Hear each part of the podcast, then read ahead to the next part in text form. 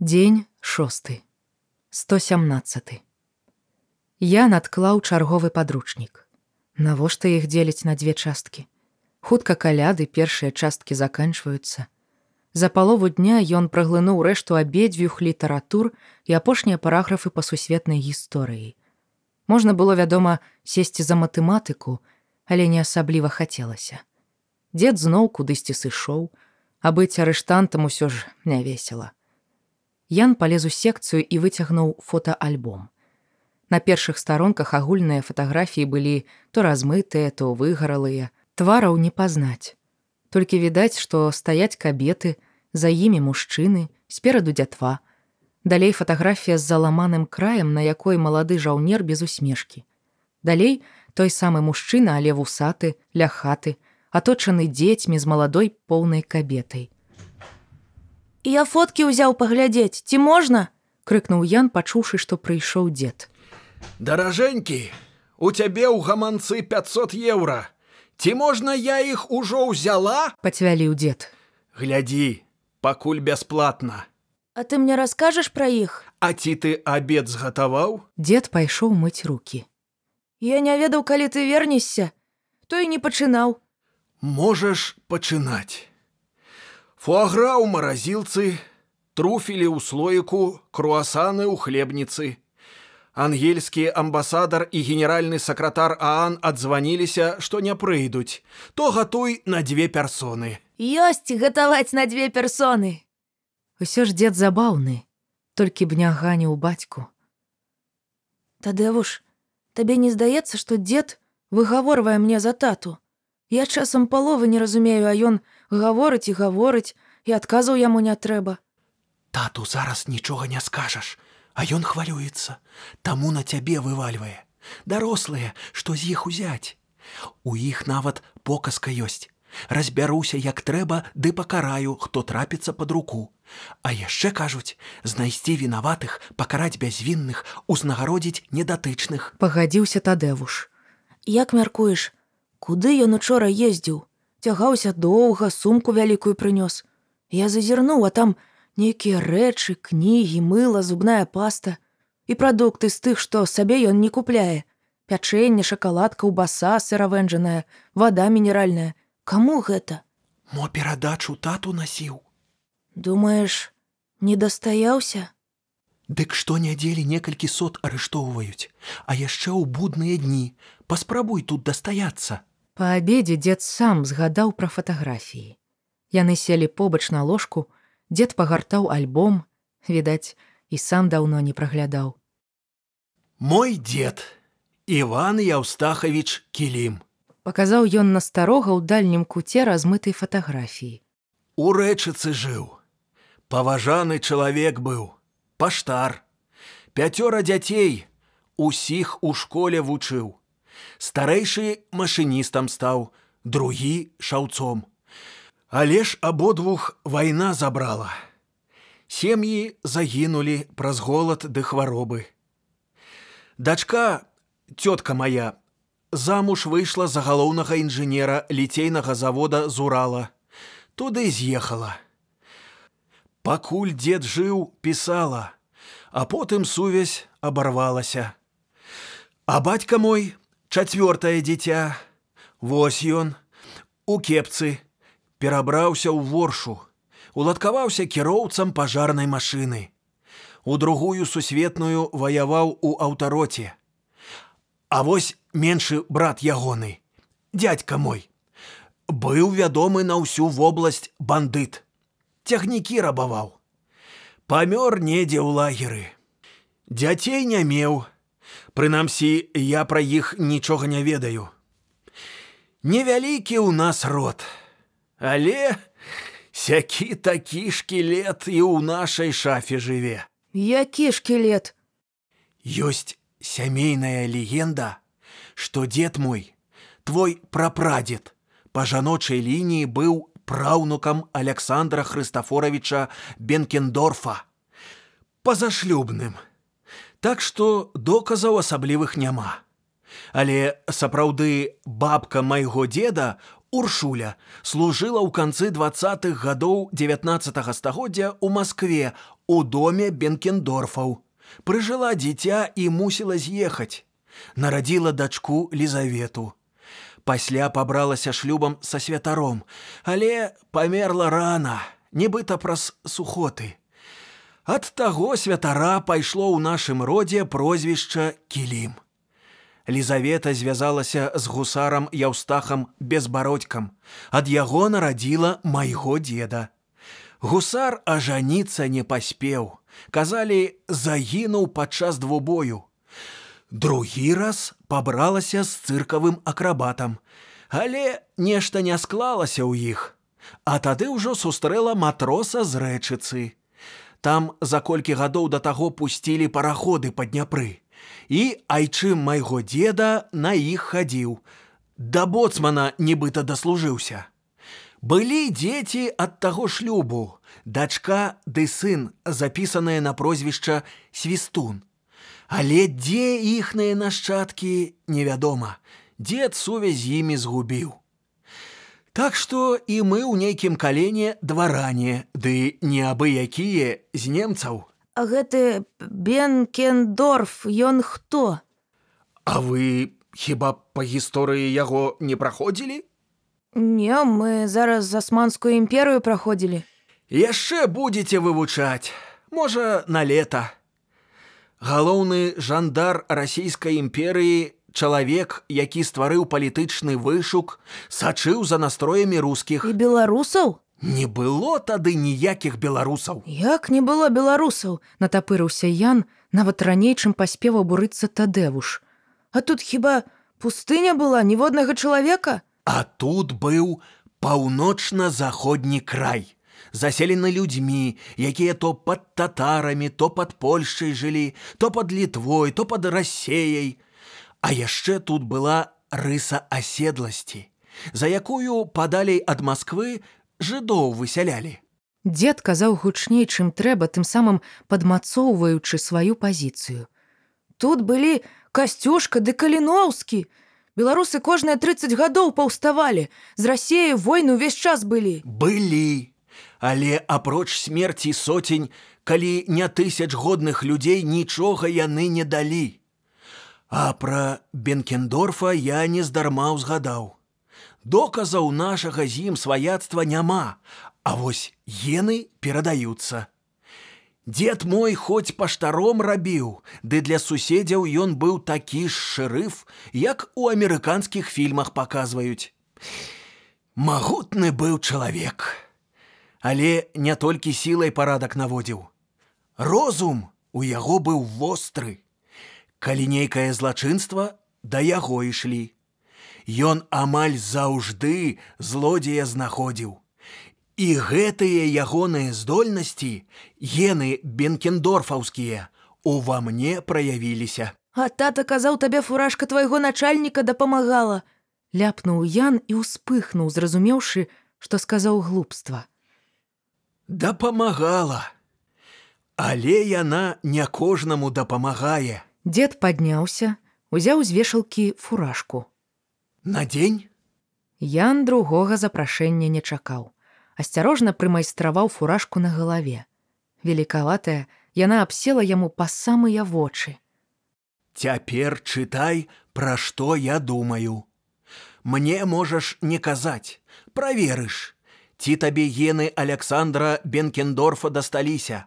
Усё ж 200 гадоў прамінула. Ян глядзеў на дзеда, а дзед на яго, сувора, патрабавальна, і пад гэтым поглядам унук выпрастаўся, расправіў плечы, вочы дзеда пацяплелі. Правільна. Носіш фуражку, насі годна. Можаш трэніравацца, толькі потым на месца кладі. Ян падбег да вакна. Чые б яшчэ думкі прачытаць. Вунь ідзе кот, шпацыруе задраўшы хвост. Што ён сабе думае? Асцярожна мацае лапкай снег і прыбірае лапу. Ясна! Не любіць коцік зімы. А вось страпянуўся і застыў, пайшоў асцярожна, перастаўляючы лапкі, прыгнуўшыся да зямлі. Відавочна палюе. Добра яму.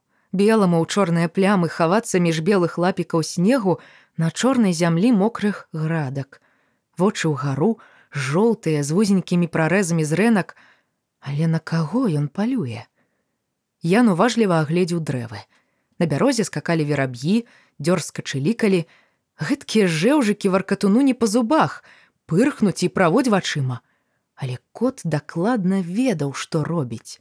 Падкраўся да бярозы і палез наверх, чапляючыся кіпцямі за кару.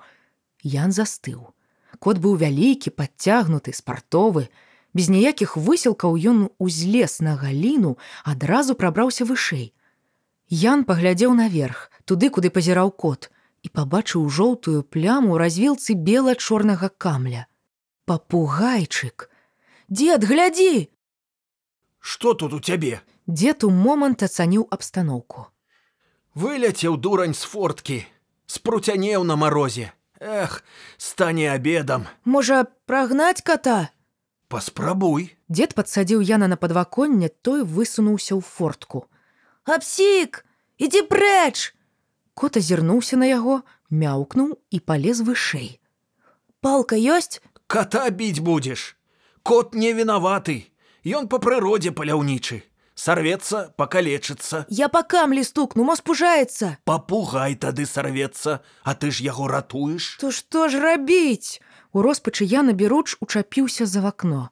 Возьмі флакончык, вылі трохі на снег пад бярозу.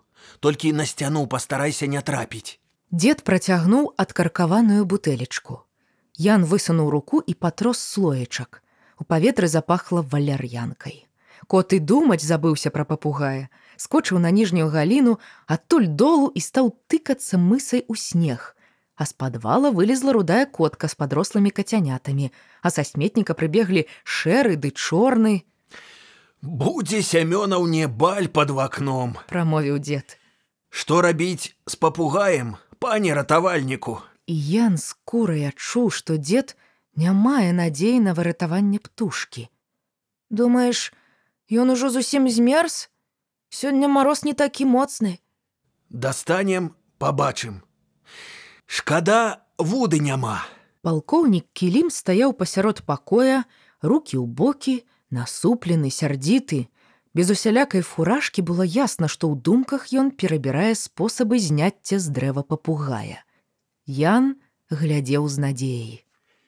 Адсунь стол, Дед падышоў да сцяны, нахіліўся і зняў плінтус. шапку сваю нясі. Дзякуючы матускам шапка зрабілася сачком, навязаным на рэйку плінтуса. Дед з Янам выйшлі на балкон, і праз хвіліну папугай кульнуўся ў шапку. Пульс марудны, слабы. Трэба адагрэць яго. Найлепей жывым цяплом. Ян схаваў птушку пад майку і ўладкаваўся побач з дзедам глядзець більярд. Дзед спакойны, значыць, усё добра. Холад перастаў адчувацца амаль адразу. Пэўны час нічога не адбывалася, толькі нейкі саліван падоўгу блукаў ля більярднага стала, раз-пораз нахіляючыся, каб трапным ударам загнаць у лузу чарговы шар. Рабіў ён гэта з непранікальным тварам.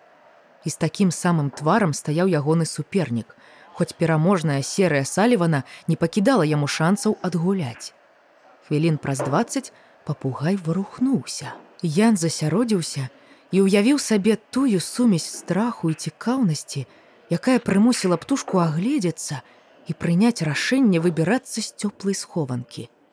Яшчэ праз хвіліну па яну зашкрэблі кіпцюрыстыя лапы.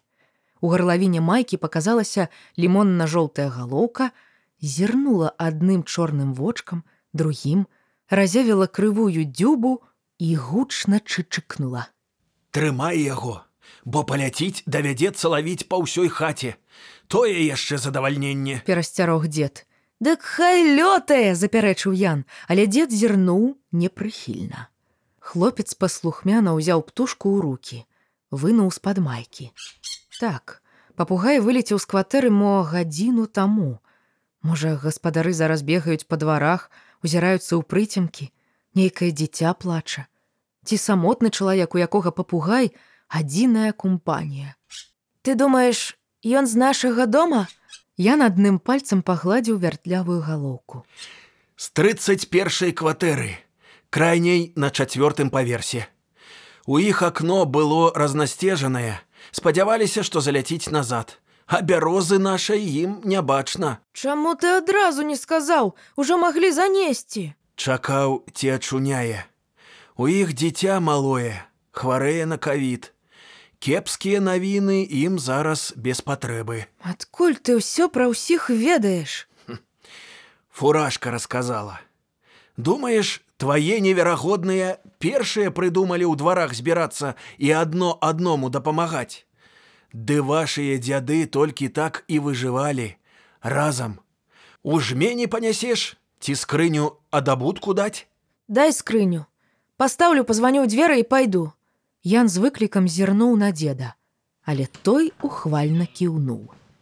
Вяртаючыся ў кватэру, Ян уяўляў сябе сапраўдным пажарным, бясстрашным ратавальнікам. У вушах стаяў пачуты ўжо з ліфта радасны віск мама гоша вярнуўся. Як жа добра, што папугай ачуняў. Можа, ад радасці хворае малое хутчэй адужае. Аднойчы Ян два месяцы хварэў на запаленне лёгкіх. Сумная і цяжкая гэтая рэч хвароба. Ля дзверы стаяў сівы стары. Працягнуўшы руку да званка, азірнуўся на Яна. Вочы злыя, падазроныя. Адчынена, праходзьце, вымавіў Ян. Стары, не адрываючы вачэй ад Яна, націснуў ручку, зайшоў і прычыніў за сабой дзверы. Ян пачуў шчаўчок замка. Вось табе і маеш. Ну што, Вань, аддаў? Пачуў ён голас дзеда. І тут жа здзіўленая: Пятровіч, ты? А што ж не пазваніў? Я ж мог адысціся? Не званіў, бо пэўна слухаюць цябе, Іванович. Ты ж ненадзейны элемент, член сям'і здрадніка. Ян пырснуў у кулак. Во дае госць, з гумарам дзядок, але стаяць далей у калідоры не хацелася, і ён пазваніў. Дзед адчыніў адразу, зашаптаў, нібыта выбачаўся. Да мяне сябра прыйшоў. Ты, калі галодны, завары гарбаты, каўбасы адрэж, перакусі сам, а мы пагамонім. Ян не пярэчыў. Паставіў чайнік, нарэзаў каўбасу, стаў мазаць на хлеб масла. Ён усё падрыхтуе, а тады пачакае деда. А лепей прынесці гарбату і канапкі ў пакой. Деду будзе прыемна, што ўнук гасцінна прымае ягонага сябрука. Ян прыслухаўся. Кажу табе, Іванович, напішы, куды трэба, бо прыйдуць і па цябе. І ніякі крывец цябе не адмажа, бо сам пэцкацца не захоча. Бубнеў Пятровіч. Напішы так. Сынам стасункаў не падтрымліваю. Варожыя палітычныя погляды не падзяляю. Ці можа ты за гэтую бабу галасаваў? Пятрович, я даносаў ды пакаяльных лістоў не пісаў нават у вучэльні. Куды мне пачынаць? Неяк нервова адгукнуўся дзед. Да і сына адсурацца я не збіраюся. Дык мо, гэта ты выгадаваў яго дзяржаўным здраднікам, агентам заходніх выведак? Можа, ты сам прадаўся лялькаводам са штатаў? зашипеў Пятровіч. Ян без усялякай фуражкі адчуў, што госць не жартуе. Госць кажа на поўным сур'ёзе. Ці не ўсур'ёз дзед успрымае ягоныя словы. Тадэвуш, яны там блёкату аб'еліся ці што? Лепей паслухай. Параіў сябра і змоўк, відаць, збіты з панталыку. Глядзі, каб на цябе самога не напісалі. прыгразіў Пятровіч. Тут хто першы паспее, то і выкруціцца. Дык хто на мяне пісаць стане? Хіба ты, Пятровіч, Раздражнёна адмахнуўся дзед. я не стану. Іншых хапае. Ты што ты яго шкадуеш? Ён цябе шкадаваў? Ніколі ён цябе не шкадаваў. Капейкі не падкінуў ніколі. Сын называецца. Мне пенсіі хапае. А ў яго сям'я, крэдыт. Нашто мне ягоныя капейкі? А лось, данясуць на цябе і не будзе ў цябе персанальнай пенсіі. Бутэлькі збіраць пойдзеш. Пішы, Іванович, Пішы, пакуль не позна. Я табе дрэннага не параю. кіпяціўся Пятровіч. Ян механічна памешваў лыжкай несалоджаную гарбату. Вось дык сябра ў деда. Як гаворыцца з такімі сябрамі ворагі без патрэбы. А гэты байструк Віталёў хіба Пачуў ён. непадобны ані. Пэўна прыжыла дзе збоку, не ў матку, не ў бацьку, а ў праезнага дядьку. Язык прыкусі, Пятровіч, Падвысіў голас дзед. ты свечкі не трымаў, дык не трэба пляву згаць. Ян зразумеў. Гэта яго стары хрыч назваў байструком. Ягоных бацькоў палівае брудам. Унутры паднялася гарачая хваля абурэння, крыўды, злосці. Каб Пятровіч быў побач, пэўна, шпурнуў бы ў галаву зэдлікам ці плюхнуў у зморшчаны твар кіпенем. Чаму дзед не выкіне яго прэч? Чаму? Свечкі не трымаў, не мая справа. Але ты да яго прыглядзіся. Вочы брат не хлусяць. Адчайныя вочы ў хлопца. То яшчэ ўшкойнік. Грошы хавай, бо абнясе хату. А лепей сацыяльную службу выклічы, Хай у прытулак забіраюць. Маці ўцякла, бацька ў турме, Хай у дзяржавы на карку сядзіць, а не ў цябе. Ай, а, глядзі, глядзі, на сцяне. Вось, вось. Я казаў табе, Іванович, конец твой блізка. Напішы, пакуль не позна, напішы. Напішу, напішу, Пятрович, ідзі, дамоў ідзі. Дзед казаў ужо ў вітальні. Ідзі, бо там крывец ужо да тваёй люські пайшоў. Ідзі. Пішы, Іванович! Голас Пятровіча было чуваць і праз дзверы. Ян сеў на зэдлік. Слёзы збягалі па шчаках, і ён сам не разумеў, чаго плача, толькі ўсхліпваў. Ты і мне заварыў. Дзякуй. Дзед мімаходзь пагладзіў унука па галаве, дастаў з прынесенай учора торбы пачак пячэння. Пячэнне з маслам любіш? Ага, Ян шмаргануў па вачах рукавом. Сядзі, я сам. Ян жаваў пячэнне. Яму не хацелася ні пра што гаварыць. Дапіў гарбату і пакінуўшы кубак на стале, пайшоў спаць, патушыўшы дарогай таршэр. Ужо лежачы пад коўдрай пачуў, як дзед запаліў святло.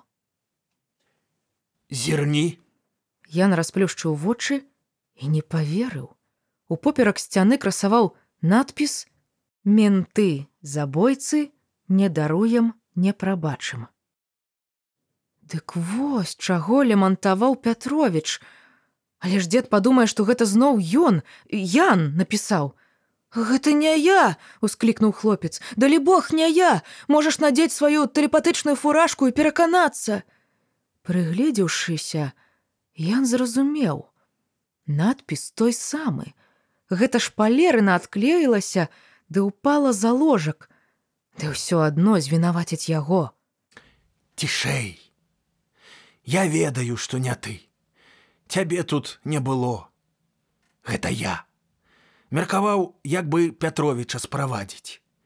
Ат, думаю, зарана я тваю на скальшчыну заклеіў. Гляджу, а краёчак адстаў.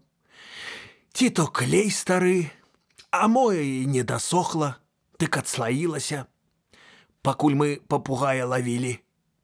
Я акуратненька так пацягнуў, зусім адстала. А ён і не зразумеў. Ты не бяры да сэрца. Ён сёлета зусім на галаву слабы стаў, наш Пятровіч. То мроецца, што 37 год вярнуўся, то трэцяга сябрука нашага генерал-маёра крыўца падазрае, што да жонкі яго найходзіць. А жонка ўжо гадоў 15 як на чыжоўскіх могілках, царства ёй нябёснае. Хіба ён бачыў 37 год, засумняваўся Ян. Не, Пятровіч, як і я, пасляваеннага пакалення. Але ж бацька ягоны, гардэробшчык у тэатры, нібыта выжыў толькі дзякуючы даносам. Такі карысны ды пладавіты на гэтую дрэнь аказаўся, што не чапалі яго, хоць па краі хадзіў. Пятровіч марыў паступіць у вышэйшую партыйную школу, але не прайшоў па біяграфіі. А я прайшоў, адвучыўся. Бацька твой, калі пасварымся, усё прыгадвае, што я не хацеў з Масквы вяртацца, думаў там кар'еру зрабіць, а сям'ю ў мінску кінуў. Але ж я вярнуўся. У генералы, што праўда, не выйшаў, а крывец выйшаў. На маіх плячах ехаў ехаў, ды аб'ехаў. Падставіў цябе? паспачуваў Ян. Я ў адным фільме бачыў, як намеснік свайго шэфа падвёў і сеў на ягонае месца. Я такіх фільмаў на службе столькі бачыў, што на Санту-барбару хапіла б. Серыял такі быў пра мястэчка Санта-барбара і ягоных жыхароў. Ніхто дакладна не ведаў, колькі ў ім серый: 200, 300, а можа, уся тысяча. З ангельскай мо палову пераклалі, а тады кінулі. Лухта лухтой, а кожны тады глядзеў.